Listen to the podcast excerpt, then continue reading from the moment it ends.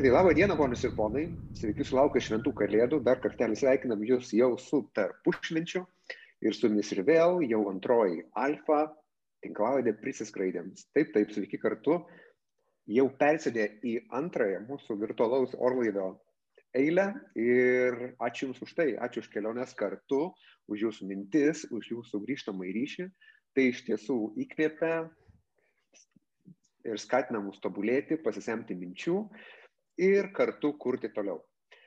Na ką, beveik prabėgo 2020 metai ir turbūt nesuklysiu pasakęs, kad jie buvo ir kitokie, ir ypatingi, ir visokie kokie kitokie.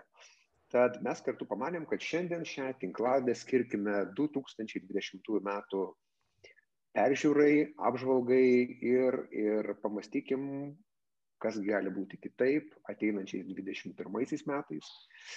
Ir, ir turbūt tam ir skirsime didžiąją mūsų laiko dalį mūsų šios tinklalaidės. Ir turbūt nesuklysiu pasakęs, ar ne, kad šitie metai kelionių, aviacijos industrijai buvo ne patys blogiausi. Ne, ir, ir ką jūs manot, galėsite, bet kaip, kokių be, be ieškotume pozityvo spindulių, tai turbūt e, be ne praščiausi metai ir, ir skausmingiausi metai, kaip be pažiūrėti. Ir tad pabandykim žvelgti, kasgi įvyko šiais metais, be to, kad vyko pandemija.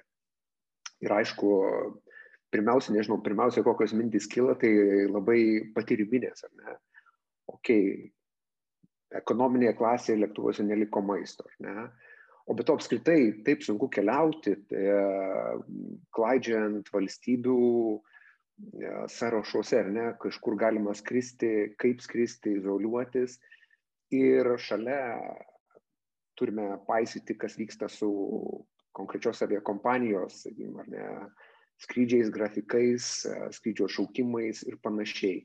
Tai iš tikrųjų patirminė pusė, jinai, jinai ypatingai suprastėjo ir, ir kaip minėjau, tada maistas, ekonominė klasė, verslo klasė, turbūt jisai įgavo kitą formą, man neteko šiandien skristi, apart kelių vietinių skrydžių Ispanijoje, bet kiek teko girdėti ir, ir klausyti, ką, ką, ką komentuoja kiti, taip pat tas visa, sakykim, flight experience pusė ypatingai pasikeitė ir, ir, ir žinoma, ne į pačią palankiausią pusę. Uh, nežinau, kokio, kalbėkime gal nuo paprasčiausių dalykų iki, iki, iki, iki valstybinių struktūrų, reguliavimų ir, ir panašiai.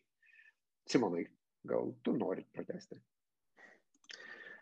Jo, aš tai galvoju, kad čia turbūt reikia nu, nepabijoti pasakyti savo tokį dalyką, kad, nu, apžvelgiant apie šituos metus, kad, na, nepaisant to, kad, na, turbūt ir, ir įvairūs industrijos dalyviai, ir, ir, ir apžvalgininkai, kaip pasakyti, visais laikais ar ne visi bando išvelgti kažkokią tai pozityvą, tačiau apibendrinant turbūt metus reikia, nu, nebijoti pripažinti, kad, nu, vis dėlto tai yra patys blogiausi metai industrijoje ir nereikia to slėpti mes ne, nedažnai, nedažnai kartojam tą tokią frazę, ar ne, kad uh, krizių aviacija jau mačiusi yra ir ne viena, ir, ir ne dvi, ir ne tris. Uh, ir jų visokiausių jų buvo, tačiau, na, tokio dydžio nuopolio, tokio dydžio kritimo, nu, jo niekada nebuvo, turbūt nuo, nuo, nuo na, net nežinau nuo kada, turbūt nuo antro pasaulinio karo laikų, ar ne? Ir čia turbūt galim pacituoti turbūt ir, ir, ir, ir didžiausias pasaulyje lobistinės organizacijos Ajatos, kuri jungia uh, visas pasaulio aviakompanijas, na, daugelį pasaulio aviakompanijų vadovo na, pasisakymą prieš pat, prieš pat, prieš pat šitas kalėdas, kad, na, kaip jisai ir įvardino, kad, na, iš principo, tą tokį pavartojo žodį, ar ne, kad tai buvo pats didžiausias pasaulio dekonektinimas, ar nežinau kaip pavadinti, atjungimas, ar ne, nuo, nuo antro pasaulinio karo, kad, na, iš principo mes turėjom uh, čia dabar gaunasi 75 metus, kai iš principo tas pasaulis ėjo tuo visų atvirumo keliu, didesnio tik tai susijungimo ar ne, didesnio tarpusavio bendradarbiavimo, o šiais metais na, patyrėm tą tokį, na, tikrai globalų, visom prasmėm turbūt, na, atsijungimą vienas nuo kito, ar ne? Jeigu tai pažiūrėti, ar ne, į tos pačius dar ir, ir, ir skaičius, ar ne, jeigu platesnį kontekstą, ta pati pasaulio turizmo organizacija sako, kad na, turizmas globaliai visam pasaulyje grįžo kažkur į 1990 metų lygį. Tai, tai, tai, tai per vienus metus ar ne, grįžom 30 metų atgal, jie skaičiuoja, kad tas kritimas buvo 70 procentų, tai bet 70 procentų čia net atsižvelgus į tai, kad na, yra daug pasaulio vietų, kur, kur iš tikrųjų dominuoja tas vidinis turizmas, taip pačioj, tarkim, Junktinėse Amerikos valstijose daugiau negu pusė turizmo yra, yra, yra vidinis turizmas. Tai netgi tai įtraukus, ar ne, kad, kad, kad mes tarsi, ar ne, galėjom judėti šalies viduje, mes Lietuvoje ar ne atradom palangą vasarą, ten įvairiausius ežerus, miškus ir, ir, ir kaimus, tai netgi tai įtraukus kaip, kaip, kaip, kaip, kaip turizmo forma, kaip kitokia galbūt kažkokia turizmo forma, netgi visą tai sudėjus į piragą pasaulio turizmo organizacija sako, kad minus 70 procentų. Tai reiškia, kad na, daugiau negu dviem trešdaliais visas tas pasaulio a, turizmo burbulas susitraukia. Ir jeigu dar čia tokius kelis ar ne, iš, iš, ištraukti bendrus skaičius a, iš jau paskutinio mūsų tokio kalėdinio, kalėdinio laikotarpio, ar ne, tai na, atrodo, kad kažkokius tai atsigavimo ženklus čia mes matom, tarsi jų ir, ir, ir vėl nebematom, bet nu, reikia pažvelgti ar ne tiesiai, tiesiai į akis ar ne, jau Eurocontrol suskaičiavo, kiek buvo skrydžių kalėdinių laikų uh, Europoje, tai jie suskaičiavo, kad šiemet per kalėdinių laikotarpį buvo 56 procentais mažiau skrydžių negu praeitais metais. Tai galim įsivaizduoti, kad greičiausiai keliaivių bus minus 70, minus 80 procentų. Uh, Taip yra todėl, kad na, tie vidutiniai lėktuvų užpildymai, jie dabar yra na, beveik dvigubai žemesni negu tokie, kokie buvo įprasti juos matyti, ypatingai tokiais na, bizi laikotarpiais, užimtais laikotarpiais, kaip ten Kalėdos ar, ar, ar, ar kiti pikiniai laikotarpiai. Pažiūrėjau, ar ne Lietuvoje, tai jeigu Europos vidurkis buvo minus 56 procentai pagal skrydžius, tai Lietuvoje buvo minus 65 procentai pagal skrydžius per šitas Kalėdas. Ir čia vėlgi, ar ne, galim tik tai simboliškai kažkiek tai, net nežinau, ar, ar ironiškai pažiūrėti į dabartinę situaciją, kad ir paieškoti priežasčių, kodėl, tarkim, ar ne, mes skaitom labiau negu Europą. Tai šitas kalėdas mes sutikom ar ne su dviem tokiais apribojimais, kurie atrodytų, nu, galbūt europiniam kontekste net nėra tokie dideli. Prieš pat kalėdas Lietuva, kaip ir daugelis ES šalių, uždraudė skrydžius iš Junktinės karalystės po dar vienos ten kilusios naujos ar ne korona bangos susijusios su nauja šio viruso forma. O dar anksčiau, ar ne gruodžio pradžioj, Latvija iš savo pusės uždraudė skrydžius iš Lietuvos. Tai atrodytų tokios, na, dvi ganėtinai galbūt ir, ir, ir smūkus elementai visam tam metiniam uh, reguliavimo ir nenuspėjimumo kontekste. Tačiau turbūt vos ne tuos du dalykus sudėjus, ar ne, tai praktiškai dvi didžiausias skrydžių rinkos iš Lietuvos, ar ne, na, Latvija galbūt labiau tranzicinė, bet, bet, bet, bet, bet iš tiesų, ar ne, buvome įpratę matyti, kad po, po, po kelius šimtus žmonių keliauja kiekvieną dieną o Junktinė karalystė jau turbūt paskutinius 15 metų yra pati didžiausia, pati didžiausia rinka iš Lietuvos. Tai tas kalėdinis laikotarpis e, ne tiek iš tos statytinės pusės, bet tuo pačiu metu ir iš tokios na, simbolinės pusės, manau, kad na, nemažai pasako bendrai apie visus šitos metus, kurie, nu, nereikia slėptis, dar kartą pasikartosiu, kad turbūt nu, tikrai buvo tiek paprastam keliautojui blogiausi metai, nes, na, turbūt nežinau, nei vieno žmogaus, kuris būtų keliavęs šiemet daugiau negu keliaudavo anksčiau, na, ta prasme, čia galbūt skaičius skiriasi ar ne, kiek, kiek, kiek, kiek kas sumažino savo keliavimo apimtis, tiek ar ne visai industrijai. Čia daug kalbama turbūt ar ne, kad tai kompanijoms blogiausi laikai, bet mes turbūt šitam podcast'e dar pakalbėsim ar ne, kad, na, tai iš principo ir oro uostams, ar lėktuvų gamintojams, ar, ar, ar, ar plačiau, plačiau ar ne visiems uh, turizmo rinkos dalyviams, tai nu, tikrai turbūt visiems buvo patys blogiausi metai. Justinai, kaip tu matytum šitos metus, kaip tau atrodo, tu, tu, tu labai mūsų ir nardai tarp Europinės direktyvos, kuri mirė ir, ir tu mm. mūsų kritikas. Kaip tu matai? Aš tai gal kitaip e, matau tą visą, nu tai aišku, kad čia blogi tie metai buvo, bet aš tai jas gal apibūdinčiau kitų žodžių, ne kad blogi, bet aš labiau apibūdinčiau žodžių chaosas. Aš vakar žiūrėjau Die Hard 4, e, kietas, kietas riešutėlis 4, kur ten Mm, e, nulaužė visas JAV sistemas ir visi yra pasimetę ir neturi jokio plano, ką daryti. Tai vad man tokia asociacija buvo, pamatėm, kad ne vienos realiai šalies vyriausybė, išskyrus gal Pietričio Azijos, buvo visiškai nepasiruošę ir neturėjo jokio plano ir dėl to pasaulyje buvo labai daug chaoso su kiekvieną dieną mm, keičiamom taisyklėm su keliautojais, kurie buvo strigę, su visokiais runeriais, kurie e, ten gyvai leidinėjo lėktuvus e, keleivius, repatriaciniais skrydžiais, žmonėms strigusiais mėnesiui ir dar daug e, kitokio bardako. Azijoje buvo truputį kitaip. E, pirmą SARS bangą jie matė prieš 15, ten, prieš 17 metų. Tai jie buvo žymiai geriau pasiruošę ir dabar jaučiasi iki dabar, kad jie yra žymiai geriau pasiruošę, jie žino, ką daryti. Jų planas, e, kaip kovoti su atvykėliais, nu, net kovoti su atvykėliais, ką daryti su atvykėliais, kad visgi galima būtų įsileisti, yra adekvatus. Singapūras jau daro savo oro uoste susitikimų zonas. Jie žymiai adekvačiau yra pasiruošę ir reaguoja į priemonės. Ir gal kinų konkrečiai priemonės buvo labai drastiškos priekyje e, pradžioje, bet, bet tai leidžia jiems gyventi BVP neprarandant, skrydžiai vidiniai Kinijoje aktyviai vyksta. E, su kitom šalim yra visiškas chaosas. Australija iš viso dabar neįsileidžia nieko, e, įsileidžia gal trim mėnesiam ir ilgiau. E, žmonės Japonija dabar paskelbė, kad iš viso ne Japonų, iš viso neįsileis. Mm, o, o šiaip jau e, norėčiau tik tai priminti, kad nu, čia turizmas turizmui, bet žmonės keliauja ir kitais tikslais.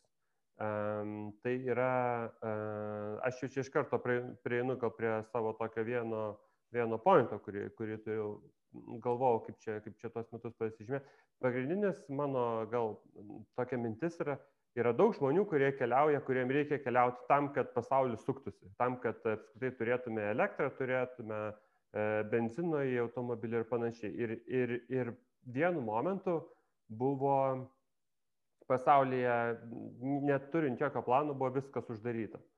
Tai dabar po, po truputį nuo vasaros viskas atsidarė, bet vis tiek dabar neapibrieštumo ar taisyklių kaitaliamas yra absurdiškas.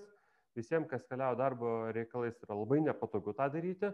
Ir tai dar, kad nepatogu, tai dar nieko, bet tai, kad kiekvieną dieną bet kas, kokia Turkija gali įsivesti ten kokius ribojimus ar reikalavimus, kurių kartais gali būti tiesiog neįmanoma įgyvendinti. Tai tas yra labai blogai. Ir aš šitoje vietoje labiausiai esu, kaip čia žodis, nusivylęs, nepatenkintas. E, manau, kad reguliatoriai, e, jie kovo mėnesį galėjo dar leisti savo e, daryti klaidas, bet aš manau, kad vat, gruodžio mėnesį jau dabar neturėtų būti jokių klaidų. Ir čia labai grįžtant į mūsų vieną iš prieitų epizodų, tą tokį e, noriu priminti, kad force, force major nenugalimos jėgos E, sąlyga niekur nebegalioja, bet tas pats galioja ir apskritai visiems verslam ir visom reguliatoriam. Pasiteisint, kad kažkas atsitiko, atsitiko staiga ir netikėtai, jau nebe, nebegalima. Turime jo, šitą vietą gal... Taip, ja, aš galbūt šitą vietą pridėsiu, kad, nu, čia išgirdau tavo klausimą, ar nesakai apie EU261. Į EU261, nu, jisai galbūt keliaivis atsiuntis reglamentas, bet jisai turbūt, nu, bendram kontekste vis tiek turbūt jau, nu, galbūt ir svarbi, bet jinai iš principo yra smulkmena, bet aš sakyčiau, kad, nu, turbūt a, visos ypatingai turbūt Europos Sąjungos nesugebėjimas per visą vasarą pasiruošti ir rasti tinkamų mechanizmų, kaip prieiti prie kažkokio tai vieningo kelionių reguliavimo bent jau Europos viduje, tai manau, kad nu, čia visiškai pademonstravo turbūt ir na, visos e, organizacijos neįgalumą ar ne pasiekti kažko, tai netgi turint pakankamai nemažai laiko tam, tam, tam, tam laukti. Mes ar ne, čia turbūt visuomenį galim girdėti nemažai dalykų, uh, kad, kad ten kritikuojam galbūt tenais Lietuvos valdžią, kad kritikuojam ar net tenais galbūt nuėjusi vyriausybė, kad tai nepasirašė antrai koronos bangai, kuri, kuri buvo visiškai na, žinoma ir, ir, ir prognozuojama. Tačiau turbūt na, visa Europa, bent jau kas liečia kelionių reguliavimą, tai nu, jinai visiškai tam dalykui nepasirašė. Čia kaip jūs nes paminėjo, ar ne, kad na, kitos šalis kažkokių kitų dalykų išrado, bet na, tarkim, tokia Kinija, kuri, nu, de facto jinai irgi yra visiškai atsiribojusi nuo pasaulio ir praktiškai, na, žmonės įleidžia su tokiam sąlygom, kad, na, įvažiuoja tik tai tie, kuriems ten būtina būti ir ten tų įvažiuojančių žmonių yra tiek niekingai mažai, kad ten turbūt, nežinau, turbūt kritai kokiais 99 procentais negu, negu, negu, negu, negu jų būdavo anksčiau. Tačiau, na, jie bet ten turi variantus, ar ne? Kinija turi variantą, ar ne, stipriai gyventi iš vidinės rinkos, iš vidinio judėjimo, ar ne? Čia toksai galbūt nu, nėra geras pavyzdys, ar ne, ir, ir, ir sektinas pavyzdys, bet, va, tarkim, žiūrim, ar ne į Rusiją, kuri ten Rusijos vidinė rinka sugebėjo aukti šešių metų vasarą, nu, nes kažkiek galbūt natūralu, kad užsidarius užsienio sienams ar ne, paskatinus kažkokį judėjimą šalies viduje, Rusijos piliečiai ar net ten daugiau atostogavo šalies viduje ir darė tos dalykus. Na, Europą akivaizdu, kad nu, tokio plano neturėjo ir turbūt, na, tarsi ir politinis deklaratyvumas buvo ar nesiekti to, kad na, padaryti bent jau Europą kažkokią tai vidinę rinką, ar ne, kad, kad, kad, kad mes jaustumės Europos viduje, ar na, Europos Sąjungos viduje, ar Šengeno viduje, kaip šitą erdvę apibrieštume, su kažkokiais bendrais reikalavimais, su kažkokiamis bendromis taisyklėmis, bet, na, akivaizdu, kad net pusės metų ar ne pasiruošti kažkokiai tai schemai ar sistemai ar nuoseklumui, na, visiškai neužteko ir, ir, ir matom, kad ir dabar, ar ne, su kiekvienu kažkokiu tai naujų statistikos pakilimu vienoje ar kitokioje ar vienoje ar kitoje šalyje galim matyti ne vieną naują apribojimą, skirtingumą visiškai skirtingų traktuočių, nors, nors tarkim, turbūt ir su tais pačiais ar ne aukštais sergamumo kriterijais ir panašiai, ar ne, yra visiškai logiška turbūt ar ne traktuoti keleivius iš ten, nežinau, nu, ta prasme, kodėl Lietuva turėtų traktuoti kitaip Latvijos negu lietuvis, ar ne, ir atvirkščiai, kodėl ten uh, Prancūzija turėtų traktuoti ispanus ar vokiečius kitaip negu, negu, negu, negu Prancūzija gyvenančių žmonės, nu, nes mes visi iš principo sėdėm toj pačioj, toj, toj, toj, toj pačioj valtyje. Nu ir akivaizdu, kad uh, ta visa rudens statistika rodo, kad, na, iš principo Europa dabar liko tas regionas, kuris toliau juda žemyn, kai nepaisant to, kad kiti pasaulio regionai, galbūt kai kurie ir nuo labai žemos bazės, kai kurie galbūt buvo dar labiau stipriau nukritę, bet bent jau turi tą teigiamą tendenciją, ar ne, jeigu aš ten žiūrėjau ir tą pasme tą pačią Pietų Ameriką, kuri, kuri, kuri buvo labai stipriai pavasarį ten iširusi ir, ir bankrutavo ten ne viena aviakompanija ir panašiai. Uh, ir, ir nors tas, na, visas tas, kaip pasakyti, na, ta griūtis buvo didelė, tačiau netgi dabar na randama yra būdų ar ne kad kad kad kad visa tai bent jau kažkokiu tempu judėtų po truputį po truputį į viršų nes a, turbūt tam pirmam atsigavimo etapui, ko mes labiausiai norim pamatyti, kad, na, iš tikrųjų, ta bent jau tendencija būtų teigiama, nes su kažkokia teigiama tendencija, kad ir kitais metais toliau turėsim tam nuo 19 metų didelį kritimą, bet tai iš principo, ar ne, leistų tiek patiems vartotojams, keliautojams kažką laisviau planuoti ir kažką tai nu, kažką tai organizuotis. Lygiai taip pat tai padėtų visai industrijai, aviakompanijoms, viešbučiams, paslaugų teikėjams ar ne irgi kažkokias daryti pagristas prognozes, pagristus planus ar ne, kiek reikės lėktuvų pajėgumų, tvarkarašių ir panašiai kas automatiškai tas turbūt ar ne aiškumas ar ne leistų turbūt na tą tokį jau na sniego gniūžtės efektą tam tikrą prasme suformuoti nes dabar atrodo kad tų baimių yra tiek daug tų neapibrėžtumų tik daugėja kad tai automatiškai atbaido keleivius tai automatiškai verčia toliau mažinti skrydžius kas automatiškai dar daugiau keleivių atbaido. Tai tai tai tai manau kad na turbūt tas susitvarkymas yra nu arba to susitvarkymo ligšiolinis nebuvimas yra vienas didžiausių turbūt tokių šių metų nusivylimų bent jau iš tos pusės ar ne. Na prieš pandemiją prieš viruso atsiradimą mes turbūt nieko negalėjom padaryti. Bet kaip su tuo gyventi, turbūt e, čia yra ta vieta, kur mes galėjom kažką daugiau pasiekti, negu pasiekėm.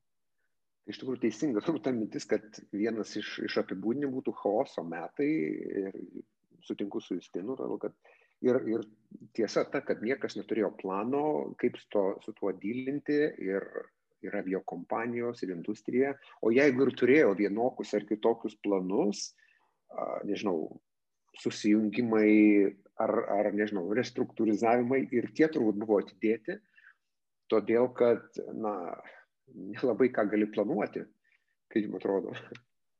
Aš čia tokį vieną pradinį galbūt už, užbėgdamas už akių kažkiek tai, uh, tu pasakėjai apie aviakompanijų bankruotus ir aš iš tikrųjų čia ruoždamas šitam podcastui, tai nu, manęs daug kas ne, vis, vis paklausė, tai čia kuri bankrutos aviakompanija sekanti, kiek čia daug bankrutos dabar ne po šitų visų metų. Uh, tai savotiškai ironiška, ar ne, peržiūrėjau visą sąrašą aviakompanijų, kurios šiais metais bankrutavo. Ir įdomus dalykas yra tai, kad a, iš principo a, tokių, nu, ten galim priskaičiuoti kažkur 70 aviakompanijų, kurios ten vienokia ar kitokia forma šiais metais žlugo, bet to didžioji dalis mes jau nesam girdėję ir net nelabai žinom, arba ten kažkokie ten vidiniai kažkokie persitvarkymai. Tačiau ironiškai yra tai, kad iš principo na, daugiau garsesnių vardų šiais metais žlugo per tuos du normalius mėnesius, negu realiai per tuos dešimt pandemijos mėnesių, ne, kas, kas, kas visiškai skamba nenatūraliai.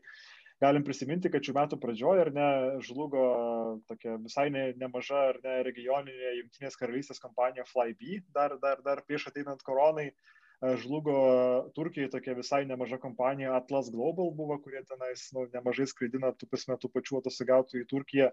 Italijoje ten nesėkminga Kataro investicija Eritali buvo toksai projektas, nu, pakankamai nemažas, ar ne, jis irgi žlugo prieš šitą pandemiją.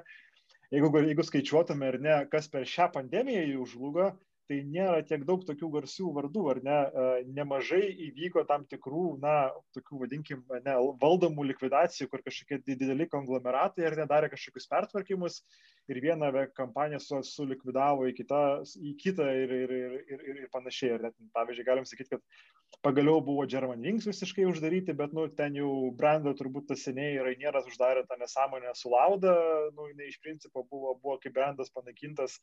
Uh, British Airways grupė buvo pakūrusi su Lauda konkuruoti tokį projektą Level Europe, kuris irgi buvo uždarytas. Ten turkai Sun Express su Lufthansa turėjo bendrą kompaniją Sun Express Deutschland Vokietijoje, kurią ten irgi uždarė, integravo į kitas, kitas ten aviakompanijas. Ten, ten Danijoje Jetime užsidarė tokie, ten labiau čarteristai, sėmainiai, galbūt labiau žinomi. Uh, Australijoje Tiger Air, ten padalinys, nors, nors tas brandas kitose šalyse išliko užsidarę, bet tokie vidiniai persitvarkymai vyko, bet tokių labai didelių grūčių, ar ne, kad, kad, kad, kad per šitą pandemiją kažkas taip imtų ir visiškai sugriūtų, kol kas nebuvo. Aišku, turim tokių dalykų, kur ar ne, vad galim ir forumuose pamatyti, kad nu, diskutuojamų klausimų, čia tokie du dideli brandai, ar ne, kaip traktuoti, ar Norwegian laikyti kaip dar gyvą kompaniją, ar, ar negyva, tai gal, ne. nu, jie dar gyvi skraido ten Norvegijos viduje. Kitas yra Meksikoje, toks yra Interjet, kurie, kurie, kurie buvo pakankamai irgi nemažas, ten jie su Hoju kažkada buvo užsipirkę, paskui jos ten nebeskraidė ir dalimis jungė vienas su kitais, paskui keitė į Airbus 320 ir panašiai. Tai jie šiuo metu tarsi gyvi, bet neskraido jau, jau, jau, jau kuris laikas ir, ir, ir klausimas, ar kada nors dar skraidys. Tai, bet tokių tikrų aukų šitos pandemijos kol kas, kol kas, kol kas nelabai turim, bet prieš pat kalėdas, tiksliau per pačias kalėdas, ar ne, pasiskelbė Jotkalnyjos valstybinė aviakompanija Montenegro Airlines, pasiskelbė, kad, nu, valstybė jiems pasakė, kad dabar pinigų tą lifeline nutrauks, tai jie stabdo veiklą ir jie gruodžio 25 sustabdė. Bet jie toksai nedidelis ar ne trijų, trijų lėktuvų ar keturių lėktuvų vežėjas, vežėjas su regioniniais Embraerio, Embraerio lėktuvais, kas, nu, tarsi nacionalinis vežėjas, tarsi nacionalinis uh, europinis vežėjas, bet, nu, turbūt aš nesu, nelabai kažkas esame iš mūsų skridę ir nelabai įsivaizduojam, kur su jais ten būtų galima uh, galima skristi.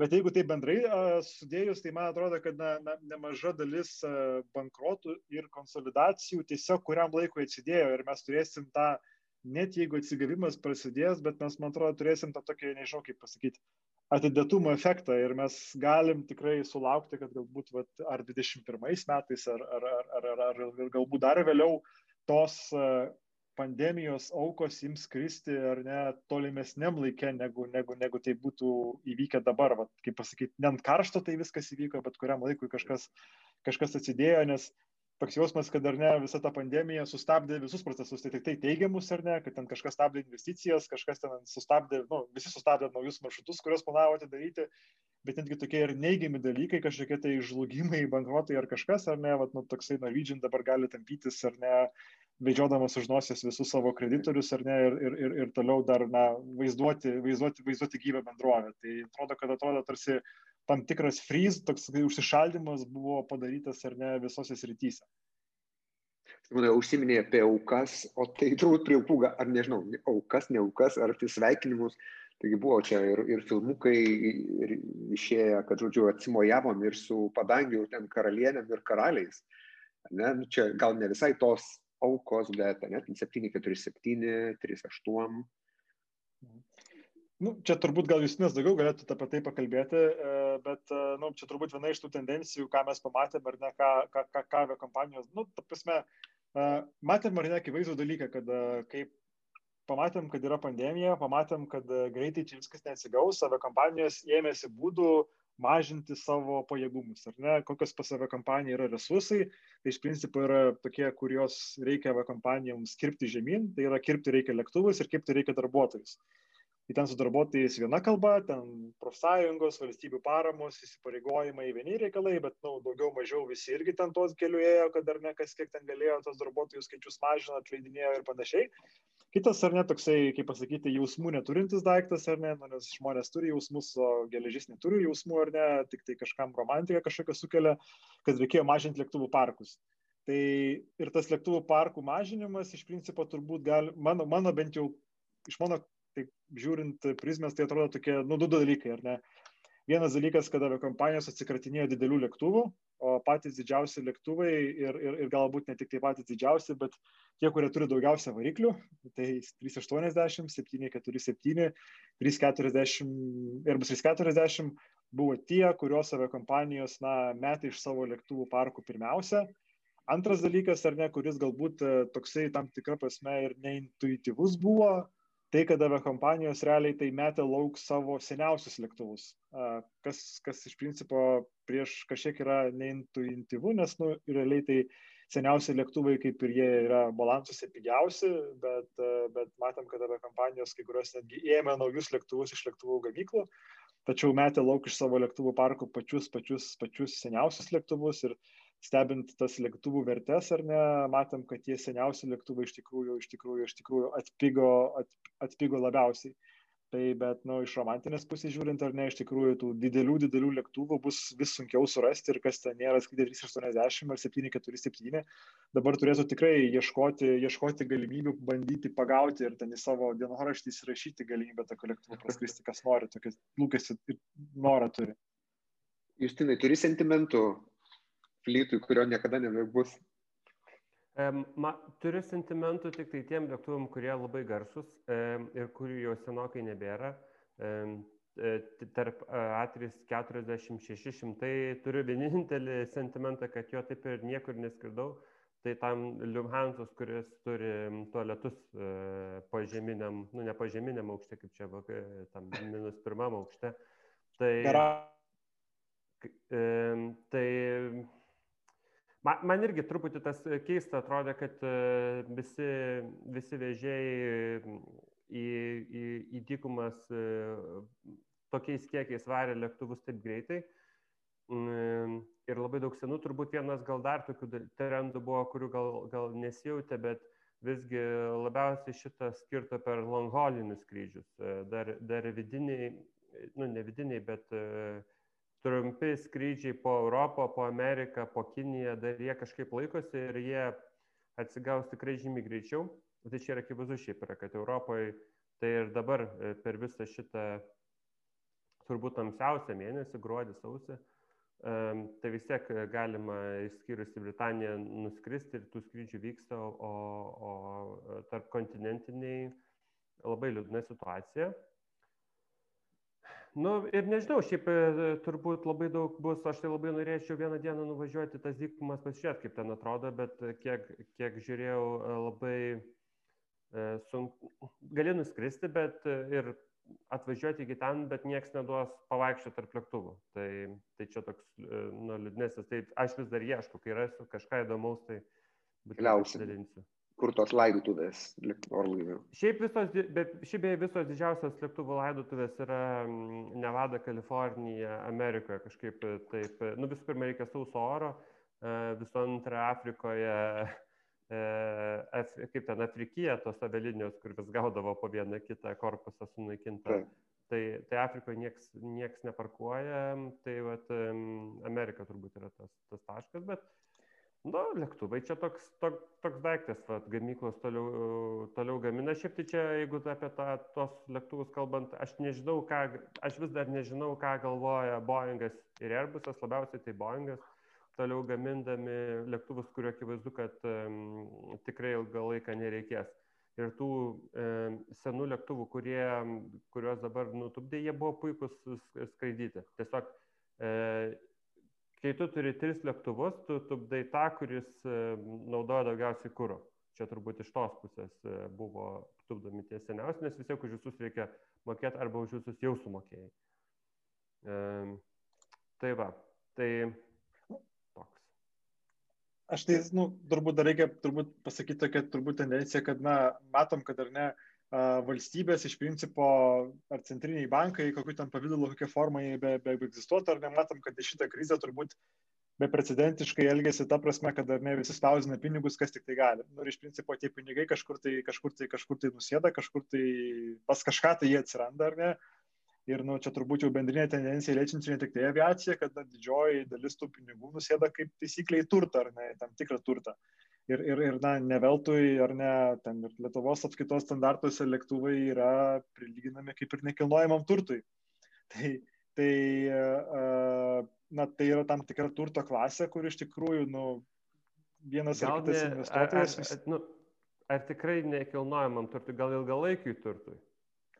Nu, kažkaip, kažkaip, kažkaip tai ten, gal nežinau, nenoriu ginčytis ne, visas detalės, Tačiau man atrodo, kad nu, tas, tas dalykas irgi turbūt tam tikrą prasme suformuoja tam tikras tendencijas, kodėl ar ne nauji lėktuvai, ar ne jie išlaiko savo vertę, nes nu, yra investuotojų, kurie mato tai vis tiek kaip saugų būdą kažkur tai na, padėti savo, savo, savo, savo pinigus.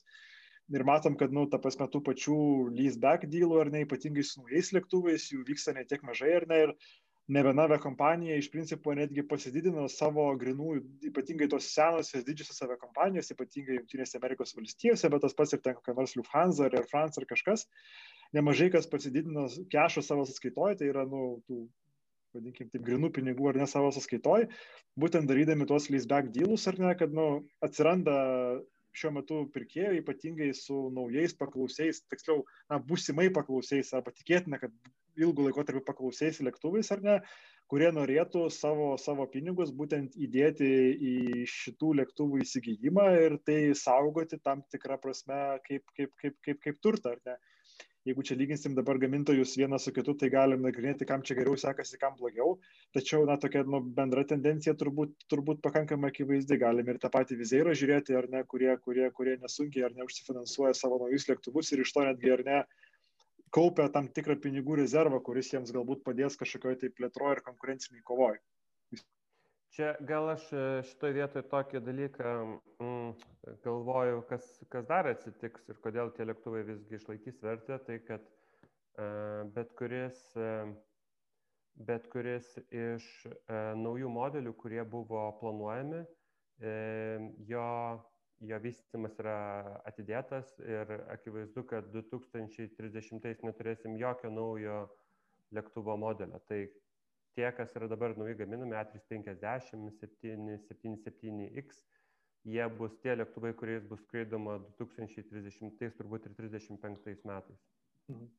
Čia galim paliesti turbūt visai labai įdomų kampą, apie kurį čia turbūt pas mus ir nebuvo kalbėta, bet realiai turbūt vat, turėjom tokį turbūt buvo istorinė galimybė visai naujam lėktuvų gamintojui iššokti bent jau į regioninių lėktuvų gamybos vagoną, jeigu taip galim pavadinti, ne visai, ne visai lietuviškai ar ne, Mitsubishi, kurie, kurie, kurie pakankamai daug ir ilgai investavo į tą naują kuris ten iš pradžių kažkaip beros vadinasi MRJ 90, paskui pervadino į SpaceJet, užbrandino tą lėktuvą, tačiau dabar visiškai sustabdė tą programą, nors ir prototipai, prototipai e, skraido.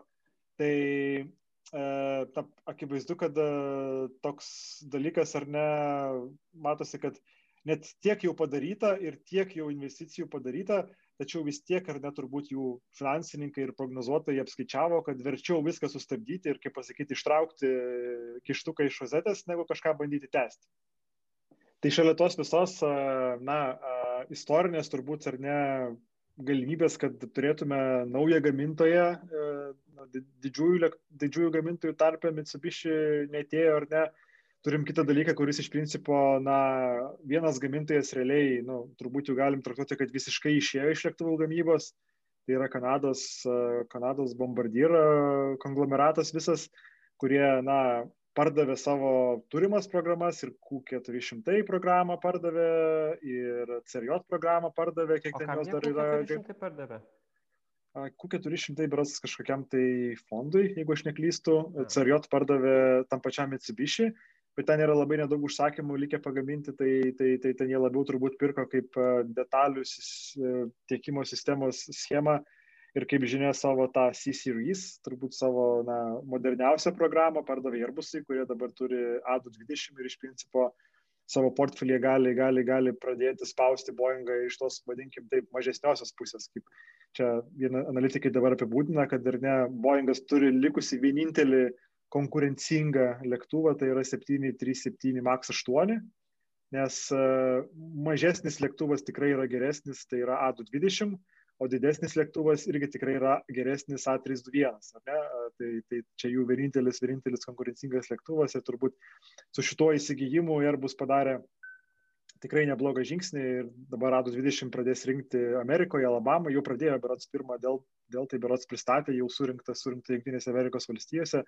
Tai antra gamybos linija, kuri, kuri, kuri atsidarė, atsidarė Mobile mieste Alabamoje. Tai, tai, tai bet bendrai turbūt paėmus, e, nu, akivaizdu, kad uh, konkurencija tarp lėktuvų gamintojų tik dar labiau ar nesumažėjo, nes netgi atrodo, kad tam mažesniam uh, keleivių, netgi mažesniam lėktuvų gamintojų rate, ar ne, turbūt, nu, uh, nors laikoma, kad ta Embraerio E2 programa, jinai nėra kažkokia labai sėkminga ir ten kalnus verčianti, kad ten būtų kažkoks esminis proveržis ar efektyvume ar, ar, ar, ar, keleivio patirtyje. Uh, tačiau na, jie turbūt visiškai net nebeturės jokios konkurencijos ir iš savo segmente.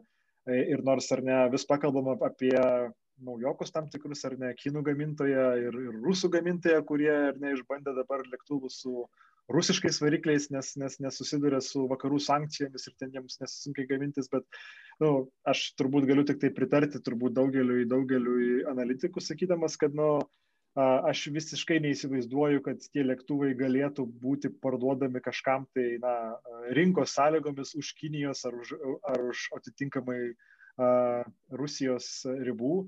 Ir panašu, kad na, mes uh, turėsim ganėtinai turbūt na, nykę situaciją ir mažai gamintojų, mažai naujų modelių uh, visoji lėktuvų gamybos linijoje ir tai tęsis, na, ne vienerius metus, bet, nu, šiais laikais ar ne, tai turbūt tęsis, nežinau, dešimtmetį, nu, bent jau visą turbūt, e, nežinau, trečią šitą amžiaus dešimtmetį, mes matysim tai, ką, ką, ką matom dabar. Aš tai ir dar, ir dar čia kalbant apie tuos e, lėktuvo vystimo ciklus, ne, tai jie yra baisiai ilgi. Mm, tai dabar naują, ta prasme, kad naują lėktuvą jau reikėtų pradėti galvoti kuris skraidys nuo 2035 jau dabar reikėtų pradėti galvoti, jeigu kažkokios būtų inovacijos, niekas nieko negalvoja, visi sertifikavimai, kiek užtrunka apmokymai ir panašiai.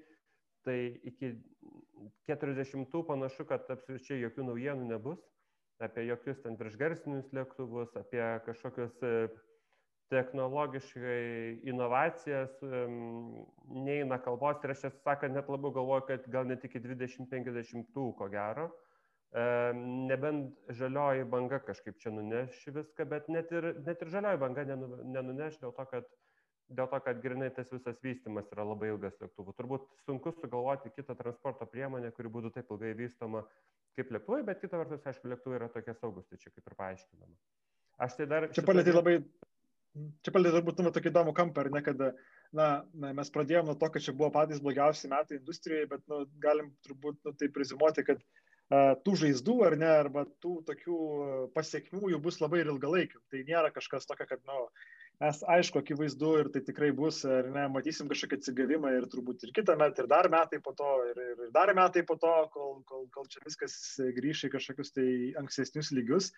Bet bus tokių dalykų, kurie ar ne bus palikę žaizdą ir tą vadinamąją labai ilgą uodegą, kuri, kuri, kuri tęsis pat tam tikrais kampais paėmus, galbūt netgi, netgi, netgi dešimtmečiai.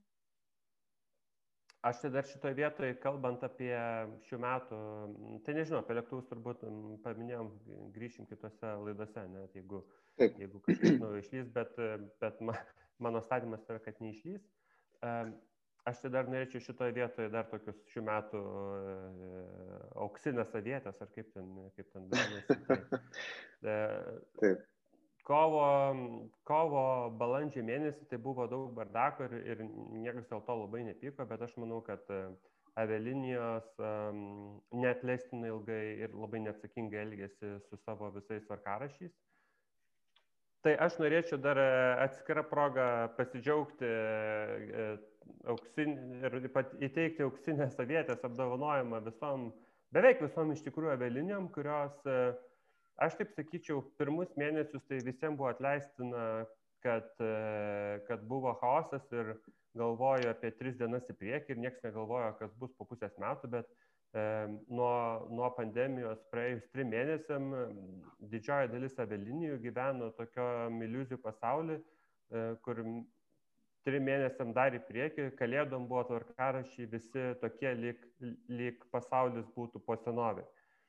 Ir, ir man atrodo, kad čia tai įvedė labai daug chaoso, krūva žmonių e, gavo tuos bilietų atšaukimus, e, žinom, kiek laiko buvo, dabar jau liktais beveik visi susitvarkė su pinigų gražinimu, bet žinom, kad labai ilgai užtruko tas irgi. Ir man atrodo, sakau, e, vėl, dar, dar iš kito galo žiūrint, Turkish Airlines dabar projektuoja savo bilietus mėnesių į priekį, bet nepaisant to, pardavimuose tai gali nusipirkti ir Liepos mėnesį, nors kaip ir žinai, kad skrydžiai neįvyks. Tai man atrodo, šitoje vietoje yra labai, e, aš nesakyčiau, kad blogos intencijos, bet didžioji dalis kompanijų yra apsileidimas kad jie pardavinėja bilietus, kuriuos jie patys realiai, jeigu kas nors jų paklaustų sąžingai, e, tai jie tikrai žino, kad jų nevykdys. Tai man atrodo, čia ir tai buvo daug keliautojams ir, nu, va dabar kalbant apie tą visą minus 80, minus 90 procentų keliautojų kiekį, tai toks visų avialinijų elgesys labai stipriai skatina neskristi. Ir manau, kad e, jeigu vat, žiūrint vėl šios dienos, ko gero patikimiausias vežėjas, ne tai, kad aš būčiau labai didelis gerbėjas, bet yra Novaturas. Nes Novaturas bent e, e, ir į vieną, ir į kitą galą, žinai, kad nuskraidins, nusipirkęs su Air Balticu, su Turkish ar su bet kuo kitu, nuskrisi į kažkokį truputį retesnį kraštą Ir vieną dieną jie gali paimti ir, nu, va, Tomo istorijos iš Barbadoso. Paima atšaukė į vieną galą, nu ir taip tiesiog sėkmytės. E, tai nežinau, ką nors turite apie šitą. Taip, tai aš tai minėjau apie iliuzijas, aš nežinau, ar jos gyveno iliuzijo tam pasaulyje, ar tiesiog nevaldėme situacijos. Aš suprantu, kad sudėtinga kartais ir, ir e, balant, sakykim, dėlioti grafikus, išimti įdėti tarp skirtingų valstybių reguliavimų, bet Bet iš tikrųjų tai vyksta iki dabar. Ir mano patirtis va, per, per kalėdas užsibukinti skrydį su Wizz ir gauti atšaukimą kitą dieną praktiškai dieną ar po kelių dienų. Tai, na, kaip kitaip tam, tą, apie tai galvoti, negu, negu kaip tu sakai. A, toksai, žinai, Šita, ne visai.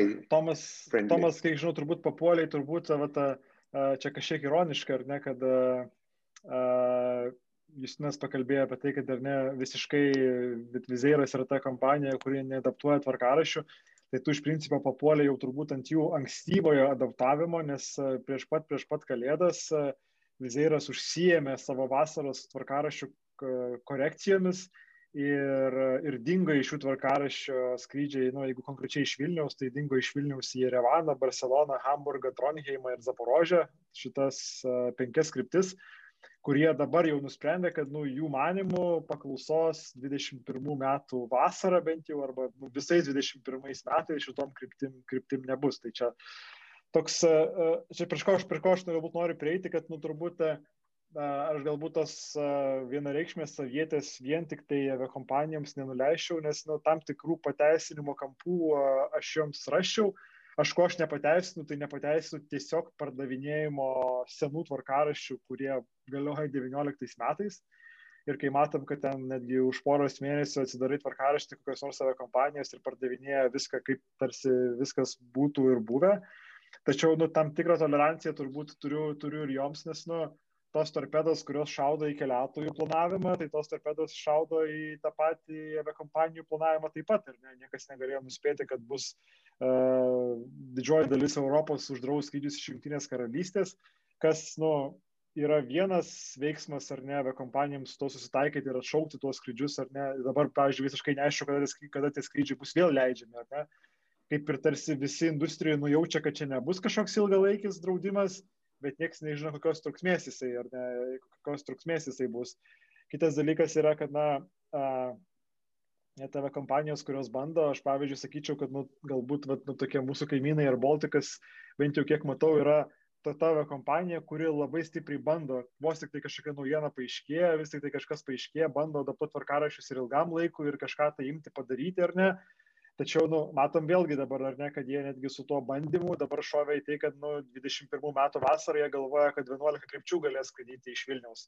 Ar tai bus ar nebus, nu, nei jie gali pasakyti, turbūt nei mes jiems galim pasakyti, nei kažkas e, gali, gali, gali tiksliai žinoti, ar ne, kaip viskas atrodys. Tai e, prie ko dar vedu, ar ne, ir, ir, ir ką Vatisnis paminėjo, kad, nu, visa kelionių organizatorių ir kelionių agentų turbūt veikla, tai jiems turbūt tai yra čia dar vienas turbūt istorinių galimybių metas parodyti keliautojams savo vertę, būti, būti, būti, būti tais ekspertais ir pagaliau galų gale ar ne ne tik tai konkuruoti ten savo bilietų komisų, kas pardavinėja bilietų su 15 eurų komisu ar kas su 20, bet galų gale ar ne rasti būdų ar ne monetizuoti tą visą vertę, kurie jie suteikia keliautojams, nes na, ta na, žinojimas ar ne ir informacija visam šitam neapibrieštumo laikė ar ne, jinai bus ypatingai vertinga ir aš netgi manau, kad nu, jinai pas mus irgi liks ilgam. Ta prasme, čia bus atsigavimas, nebus atsigavimo, vakcina iš tikrųjų viską kardinaliai pakeis.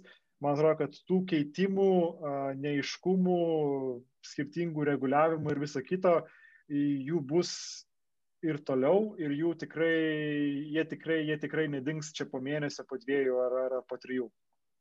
Ir man atrodo, čia gal dar ir buvo kita priežastis, kodėl visi taip dabar elgėsi, aš jokių būdų nenoriu čia kažkaip vieno vizėro išskirti, nes va, turbūt ir Baltikas buvo vieninteliai, kuriuos galima skirti kaip gerai besilgiusius. Mm, bet ilgam laikui numirė ta reguliacija, kur būdavo 250, 400, 600 eurų, Skaikopas labai reklamavosi, kur padeda išsimušti. Tai dabar šita reguliacija de facto visiems E, skrydžiams jinai neveikia, niekas jie nebekreipia dėmesio ir aš nematau. Mm, ir, ir vėlgi, jinai buvo sugalvota dėl to, kad ap, apginti silpnesnį keliaivį nei aviakompanija ir labai daug yra situacijų, kur, kur jinai ir dabar turėtų veikti, bet um, nes tikrai ne dėl pandemijos lėktuvas, tarkim, meluoja, bet jinai nebeveikia ir aš manau, kad šitas um, reguliavimas e, dingo labai labai ilgam ir labai dėl to liūdna, nes tokios, aš netikiu to, kad stebuklingai vieną dieną prabusim ir gyvenimas bus kaip po senoviai. Tai labai gaila, nes e, šitas reguliavimas buvo per daug metų daita iki to, kad jisai veikia ir aviakompanijos įgerbė. Tai nežinau, kaip čia atrodys keliaivių teisės 2022 turbūt, E, bus turbūt toks, toks liūdnesnis, bet nu, gal kažkas sugalvos kažkokius kelius. Kita vertus, dabar beveik visi pardavinėja vienokią ar kitokią formą e, keičiamus bilietus, kas, kas iki tol buvo irgi toks truputį tabu, turbūt tik tais e, e, ironiškai Wizz Air, Ryanair ir ten EasyJet pardavinėjo visus bilietus, kurie buvo keičiami visos kitos avialinijos turėdavo tą visiškai nekeičiamų, nekompensuojamų bilietų klasę, tai dabar faktiškai visur e, šitas, šitas daiktas yra dingęs. Tai čia toks gal. Tai kalbant apie Rainier ir Vizer, tai ta prasme, nu, jie, jie iš principo, nu, realiai tai jie irgi prie tos tendencijos prisideda tom, kad jie panaikino iš principo mokesčius, ar ne, kurie, kurie, kurie buvo už patį keitimo faktą. Tai kalbant, jūs neužsiminėjai turbūt, kaip bus su, su kitokiais bilietais, tai ko galim tikėtis 21 metais, kaip jums atrodo? Ir kiek, kiek galime tikėtis? Bus, aš tai, aš tai esu skeptiškas ir manau, kad visas, na nu gerai, panašu kad turim daug prielaidų manyti kad nuo balandžio ar gegužės pasaulis pradės judėti tarp šalių, tarp kažkoks toks. Konektintis. Konektintis, jo. Tai bus labai, labai pamažu, labai kontroliuojamas dalykas. Netikiu aš, kad 21 metų vasara bus kažkoks tai didelis bumas. Galų galę neturės nieks ir tiek kapasių čia suvaldyti kažkokį staigų augimą, e, arba jisai bus labai chaotiškas, e, e, bet manau, kad 21 metai bus lėti, reikia tam nusiteikti.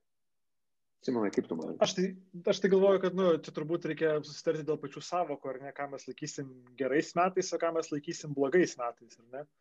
Tai aš manyčiau, kad dar ne, netgi jeigu sakytume, kad 21 metai bus minus 50 procentų nuo 19 metų, tai turbūt būtų nemažai rinkos dalyvių, kurie sakytų, o, fainai, tai pasiimam tokius metus, čia viskas, viskas, viskas yra gerai, nes, nu, tai iš principo reikš, kad, nu, kai kuriais mėnesiais čia yra trigubai ir keturgubai augimas nuo 20 metų, kas iš principo turbūt, nu, daugam skamba kaip, skamba kaip uh, nebloga žinia, ar ne? Uh, industrija turbūt, nu, ypatinga tom, kad jinai iš tikrųjų, nors atrodo, kad, nu, labai yra kapitalui imli industrija ir visa kita, uh, tačiau jinai nusugeba prisitaikyti. Nemažai lėktuvų buvo išsiųsta į dykumas, išardyta ir niekada nebebus naudojama. Darbuotojų nemažai iš tikrųjų buvo atleista ir vienokia ar kitokia forma paliko šitą industriją. Ir netgi jau turbūt netgi ta pati Jata, kuri iš principo yra na, aviakompanijų atstovė, paaišo scenarius, ar ne, kad netgi 21 metais gali būti taip, kad e, industrija taps, na, ta vadinamoja cash positive. Nu, tai yra iš principo, kad, na, ta veikla nu, nedegins pinigų, bet vis tiek e, sąskaitose, kad galbūt ten, nu, balansai eilutė ir nebus pelninga veikla, bet, nu, tai bus e, teigiama veikla. Prasme, kad geriau skraidyti negu neskraidyti, ar ne, tokioje situacijoje, kas iš principo, nu, neskamba kažkaip tai, nu, labai blogai ir, ir, ir, ir neša tam tikrų dalykų savyje. Bet kas liečia turbūt tas pačias prognozes 21 metams, taip žiūrint iš keliaivio pusės, tai uh, manau, kad, na, akivaizdi ta turbūt tendencija, kad nors ir laukiam kažkokio tai platesnio masto skiepijimo, tačiau turbūt vis tiek dar tikrai pirmą metų pusę ir, ir, ir sakyčiau, turbūt du metų trešdalius nulatinis testavimas bus neišvengiamas kelionės elementas. Ta prasme, vis daugiau šalių, ar ne, kurios dar nebuvo įsvedusios privalomą testavimo, jį įsivedinėja ir turbūt bent jau iki Liepos, rūpiučio ar galbūt ir rugsėjo, ar ne, tai bus turbūt toksai, na, privalomas žingsnis ir tie žmonės, kurie dažnai keliauja, kuriems tenka dažnai keliauti, turbūt turime įprasti prie to, kad ar ne testavimas čia bus toksai dalykas, kaip, na, susikrauti lagaminą ir pasirūpinti, pasirūpinti testų bus tokia nu įprasta valiuta. Kažkada galbūt ar netikėtina, kad, kad, kad, kad, kad testo pažymą ar nepakeis kažkokia viena kitokia forma skiepų pasas ar ne, kad, kad, kad tu ten tokį jį turi, bet nu, čia turbūt bus neišvengiama kelionės planavimo tendencija. Kita tendencija, kurią truputį palėtėm, ar ne, kad uh, ir, ir, ir jinai galbūt iš dalies ar ne kompensuoja uh, keleiviams tą tokį jų teisų nebuvimą ar ne, ir neapibrieštumo atsiradimą, tai turbūt irgi liks ilgam ir aš sunkiai įsivaizduoju, kad aviakompanijos grįžtų prie to, kad, kad tos uh, bilietų keitimai būtų tik tai su labai didelėm baudom, tas toksai ar ne laisvė keisti lėktuvų bilietus, jinai, jinai turbūt per 21 metus a, tikrai dar toliau išliks, bet a, ką tai lemia aviakompanijoms ir ką tai lemia kelionių organizatoriams, kitą dalyką turbūt, kad na, keliaivių elgesys, mūsų visų elgesys bus tikrai gerokai labiau spontaniškas ir mes tikrai gerokai trumpesnį laiką planuosim keliones, negu tai darydavom anksčiau. Ar ne, industrija iš tikrųjų labai daug investavo tiek kelionių organizatoriai, tiek aviakompanijos per savo kainodarą, visus ištreniravo, kad ar ne, reikia planuoti prieš pusę metų, prieš, prieš devynis mėnesius ar, ten, ar, ar kažkokį trumpesnį laiką. Tai manau, kad tas tas investicijas reikia ne, nubraukti, nurašyti ir jos tikrai negryž, galbūt net niekada. E, ir, ir, ir, ir na, tas planavimas likus mėnesiui, likus dviem savaitėm bus ta tendencija, kuri tikrai visą industriją lydės, e, nepaisant to, kaip atrodys skaičiai, nepaisant to, kaip atrodys atsigavimo kreivės per 21 metus, tai, tai tikrai taip.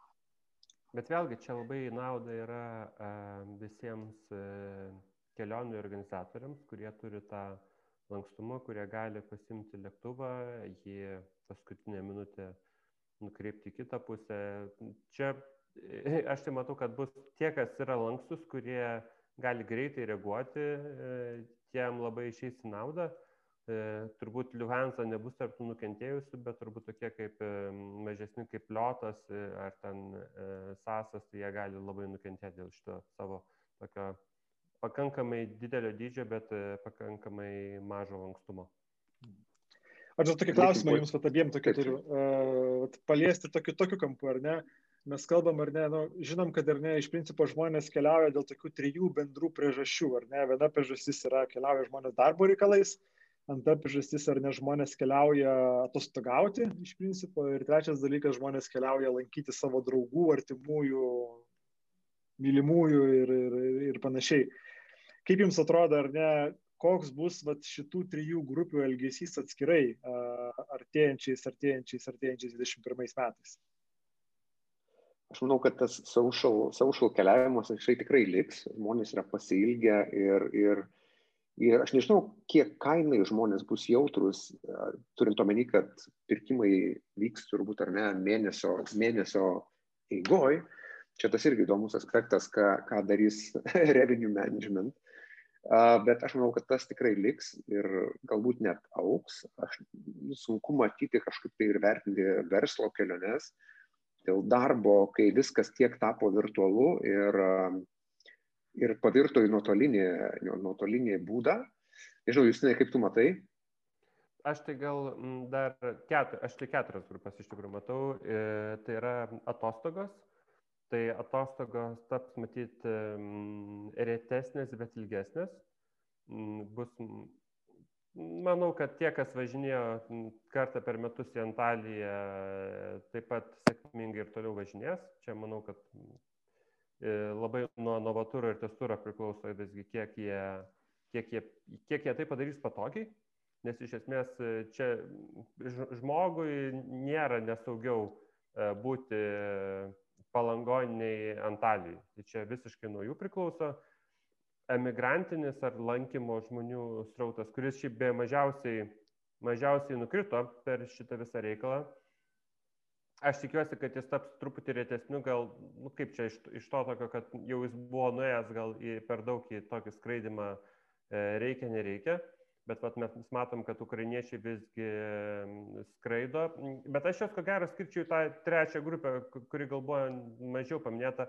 Visgi aš manau, kad darbo reikalais yra visgi dvi kategorijos, kurios skraido. Viena yra mm, tie, kurie skraido dirbti ir aš manau, kad šitoje vietoje vat ir yra iš Zaporožės į Vilnių skrendantis ukrainiečiai. Yra lygiai to, taip pat skrendantis į darbą, kaip koks nors lietuvis skrendantis į Aberdyną, į naftos e, platformą, ar jūreivis skrendantis į Mauritaniją ir šitas srautas absoliučiai niekaip nepasikeitė ir dėl to aš labiausiai gal ir reiškiau savo tokį nepasitenkinimą dėl viso to chaoso. Mm, buvogi čia, norėjau kažkaip paminėti per, per laidą, bet paminėsiu. E, čia visai nesiniai išlindo naujiena tokia, kad e, prisimenat, e, prie Mauricijaus japonų laivas, kaip čia, atsitrenkė, užplaukė ant seklumos, sulūžo, nu ten įsilėjo labai daug naftos ir čia buvo ekologinė katastrofa. Tai neseniai išlindo dalykas, kad e, kodėl taip atsitiko. Todėl, kad jūreiviai, kurie ten ilgai buvo laive ir kurie negalėjo susirotuoti namo, jie plaukė prie krantų, kad pagauti e, geresnį telefono ryšį. Tai vat, e, vat tokie bairiai vyksta, bet nu, čia iliustruoja tai, kad tie, kas visi kalnakasiai, visi naftininkai, visi tie, kurie kažkokias specializuotas mašinas prižiūri, visi jie kaip skraidė, taip skraidys ir jiems tiesiog dabar yra žiauriai nepatogu visom įmonėm, kurio, kur, kurios juos samdo ar siunčia, yra žiauriai nepatogu, bet jie nu, negali e, skraidyti. Dabar apie tą ketvirtą, tie, kurie skraidė e, susitikimam, pardavimam, konferencijom, nežinau, man atrodo, šitas, šitas rautas yra miręs e, ilgam, aš nežinau, trim metam, penkiem, septyniem, nu čia labai blogai. Ir nematau, kaip iš to išeiti. Iš, Aš tai vat, nuo, nuo to vat, pradėsiu, ką tu paminėjai, ketvirtą, ketvirtą ar ne elementą, dėl to vat, būtent to tokio keliavimo darbo reikalais, kaip mes jį labiausiai turbūt stereotipiškai įsivaizduojame, ar ne keliavimo pas klientus, pas, pas, į konferencijas ir panašiai. Tai aš irgi dėl to būčiau labiausiai skeptiškas. Aš manau, kad ilgalaikiai perspektyvai tai jisai kažkurioje tai vietu grįž ar ne, nes iš principo turbūt konkurencija tam tikram etape bus, kad tos dalykus perlauš ar ne tol, kol visi pardavinėja per Zoom, tol, kol visi pardavinėja per Teamsus ir kitus ar ne įrankius, tol viskas yra gerai, visiems tai tinka ir visiems yra fain, ar ne? Tačiau jeigu tik pasaulis taps laisvas vėl, ar ne, tie žmo, tas žmogus, kuris pirmas nuskris pas savo klientą, ar ne, tas, nu, iš tikrųjų gaus daug bonuso taškų ir pamatys, kad, nu, kiti turės irgi skristi iš paskos, nes, nu, supras, kad per, zoom, per Zoomą nebeišeina parduoti ar ne, kai, kai, kai, kai kažkas nukeliauja. Tačiau čia, sakyčiau, yra labai nu, ilgalaikė perspektyva ir tam reikia nu, daug dalykų, kad jie pasikeistų. Reikia, kad pasaulis taptų laisvas, reikia, kad mes nebebijot, kad, mes, kad ta prasme, ta socialinės distancijos tendencija, jinai būtų, kad jinai nu, iš principo išnyktų ar ne, mes nebebijotume ten spausti rankų vienas kitam, galų gal reikia to, kad žmonės grįžtų į ofisus, nes dabar nu, negali pas kažką keliauti, nes jis dirba iš namų, kai tu nuvažiavęs, ką tu ten veiksi ta, tai daliai ar ne labai daug sudaro tas pats visas konferencinis parodų turizmas, ne, matom, kad iš principo jau konferencijos parodos pirmąjį metų pusėje yra atšaukiamas ir, ir, ir nieko tenais nevyksta. Aš manau, kad ir antroji metų pusėje to, to, to dalyko dar nebus, nu, nes rinkti kel, kelis tūkstančių žmonių į uždaras erdves bus tikrai toli gražu nesocialinė norma tokius dalykus imtis ir daryti. Tai čia nu, turbūt užtruks ar ne, kol, kol konkurencija pri, pri, pri, prives prie to, kad mes grįšime į tą visą kitą keliavimą. Tačiau kas liečia visas kitas keliaivių grupės, aš sakyčiau, kad mes turbūt labai aiškiai pradėsim matyti tendenciją kaip tokį, nežinau, kelionių priežasčių blendinimą ar kelionių priežasčių jungimą ar ne į, į, į vieną piragą. Ir aš bendrai manau, kad uh, tikrai kelionės, na, aviacijai tai nėra gera žinia, kad kelionių, ta prasme, tų pačių skridimų bus mažiau, nors tas kelionės trukmės jos iš principo auks.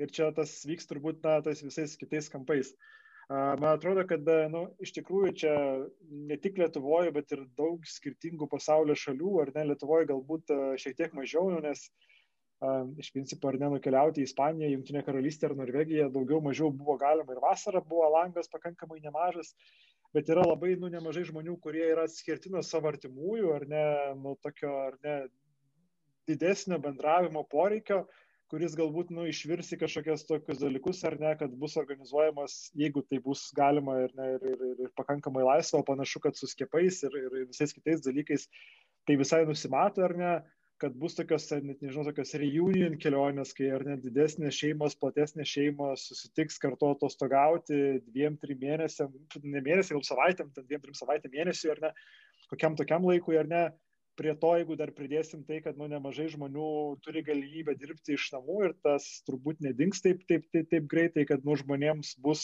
pakankama laisvė ar ne dirbti iš kažkokios tai vietos, tai matysim tas tokios reunion, blended travel, kur bus labai sunku net išvelgti priežastį ar ne. Ir čia kai skaneris duomenys rodo, ar ne, kad vis daugiau paieškų yra vykdoma į vieną pusę, kai žmonės suplanuoja tik tai nukeliavimą kažkur tai į vieną pusę, bet kada jie grįžta atgal ar ne, kažkas kas iš to išeis ar ne, eina kažkur tai į, į, į tolimesnį planą ir kad, nu, tos keliaivių grupės, kas keliauja atostogauti ar bendrauti su savo artimaisiais, nu, jos, jos miksuosis tarpusavėje ir prie to ar ne ta visa darbo iš namų tendencija irgi prisijungs, kad tą atskirimą bus padaryti sunkiau. Bet tai sakau, tai, tai, tai, tai nėra uh, kaip pasakyti, na, gera žinia aviacijai, ta prasme, kad, na, iš principo ilgesnės kelionės vis tiek sugeneruoja iš principo vieną keleivį, o ne, o ne, o ne, o ne, o ne du kažkokius tai keleivius, ar ne? Čia, aišku, turbūt ta tendencija gali būti naudinga ir Lietuvai, ir ta prasme, kad turbūt mūsų tikstamajam turizmui tai, tai gali būti nebloga žinia, kad, na, nu, turbūt nemažai, nemažai galbūt ir tos pačios lietuvių diasporos, ypatingai vasarą ar ne kažkokiems reunionams uh, rinksis ar ne čia, čia, čia Lietuvoje sodybos ar kažkur tai, nes nu, tai yra nu, dar viena erdvė, kad na, turbūt tas toksai miesto turizmas ar ne ir vaikščiojimas po ten um, apkrautas Romos ar Paryžiaus gatves uh, vidury vasaros, tai nu, dar tikrai nebus 21 metų tendencija ir turbūt net ne 22 metų. Uh, Tai vat, man atrodo, kad tas toksai vat, na, blendinimas visko į vieną krūvą bus, bus, bus, bus tam tikra tendencija, kurią jau turbūt galbūt ir matysim 21 metų vasarą, bent jau man iš dabartinio taško taip atrodo. O to, tai, saky, reikia tikėtis, kad uh, su tą mintim, kad šalia laipinimo kortelės turėsime ir skiepų pasus, ateitis 21 metų, bent jau antras pusmetis, atrodys iš tiesų šviesiau nei 21, 20 metai.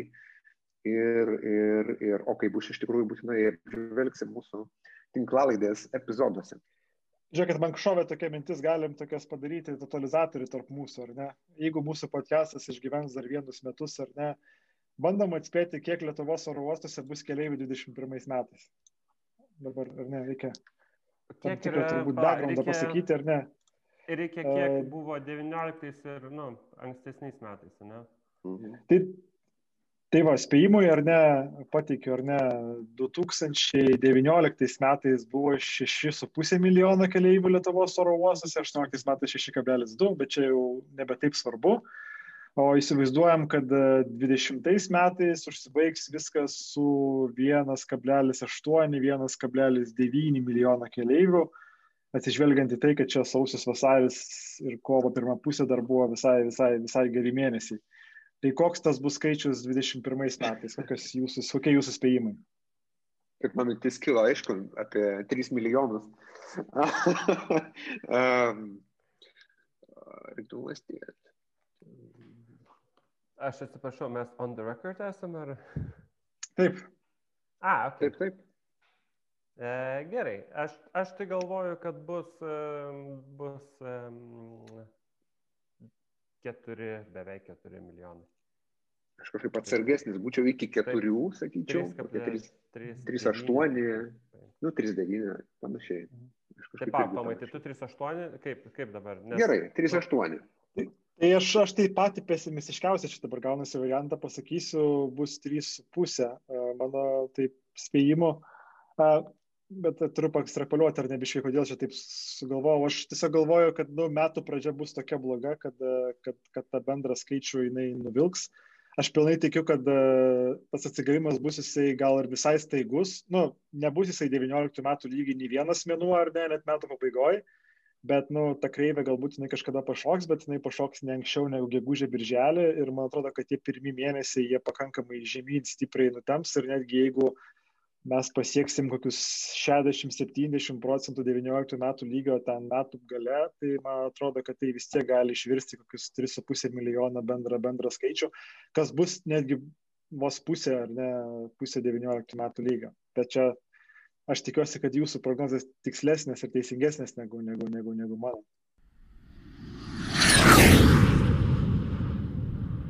Su rubrikoje Kur varom ir tikrovė prisiskraidėm, turime ypatingą svečią taip pat. Labas rytas, sakom, toj pasakysim kam ir iš kur. Mantui Bertuliui, labas rytas, Mantai.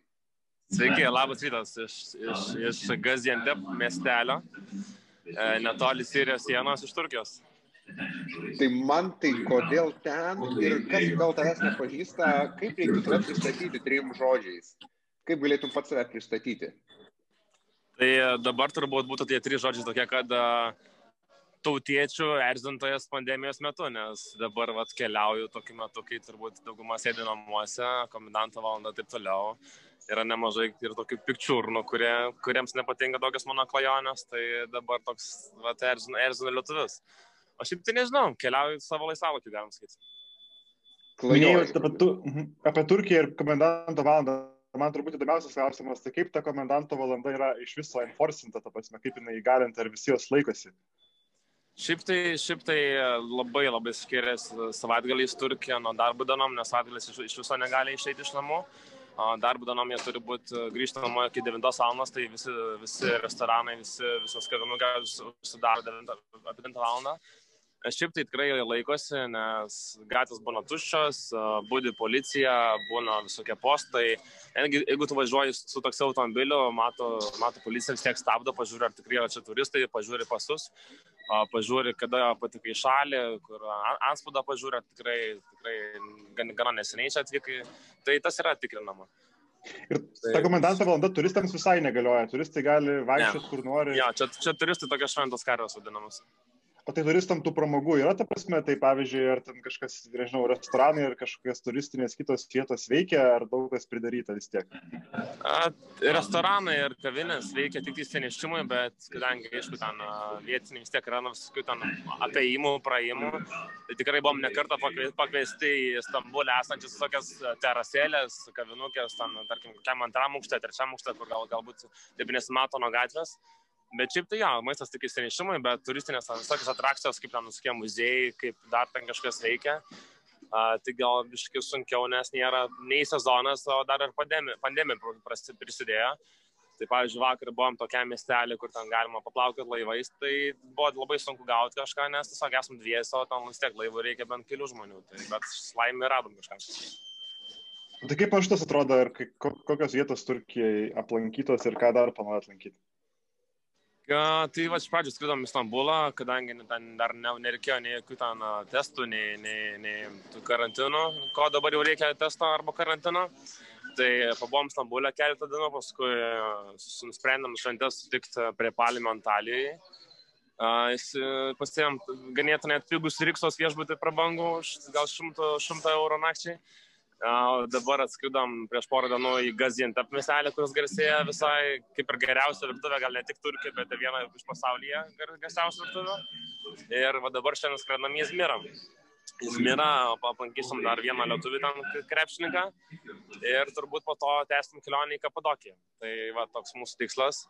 Ir gana, kadangi kai tai skrydžiai tokie pigus vietiniai, ten po, po 15, po 20, po, po 30 eurų, tai kažkaip va, taip ir skrendam dieną iš dienos vos ne. Ir kada į Lietuvą man tai? Nežinau, tikrai neturiu bilieto atgal, stebėsim situaciją Lietuvoje. Kadangi dirbu su e, renginių biznėje, tai gana esu priklausomas nuo to ir turbūt greitų metų nenusimato čia tokių šviesos tunelio gale šitoje šito, šito sferoje. Tai žiūrėsiu, šiaip tai manau, kad e, gali būti, kad skrisiu atgal į Ameriką, kur, vėl, kur buvau dar gruodžio mėnesį, kur buvau gruodžio dar pradžioje, nes pagalvojau, kad vėl būsiu prabuvęs dvi savaitės Turkijoje, tai bus galima skristi į Ameriką. Ir paskui žiūrėsiu, gal iš Amerikos kažkur. Mačiau, kad yra į Kolumbiją biletai už, už 400 eurų iš Floridos. O kaip Antalijoje, kas ten per klientūra yra, kas rusai dabar yra, nu kaip atrodo, kiti turistai, yra, nėra? Tai klientai, galim sakyti, tik tai beveik rusai, mačiau, yra per dieną vis tiek toliau vykdomi po 10 skrydžių į, į Rusiją arba iš, iš, iš, į Maskvą arba iš Maskvos į Antaliją lietuvių neradom, negirdėjom, nematėm. Šiaip tai sakau, dauguma elė rusai, tai rusai kažkaip toliau, vat, jiems Turkija dar atidaryta ir, ir turbūt masto galima galbūt grįžti be jokių ten apribojimų, tai vat, šiaip tai nėra per daug turistų. Galbūt vietiniai labiau pradėjo keliauti po, po savo šalį. Tai, tai va tiek. O skrydžiai vidiniai pilni, nepilni, kaip tas vaizdas, e, nu, patirtis skraidant vidiniais skrydžiais?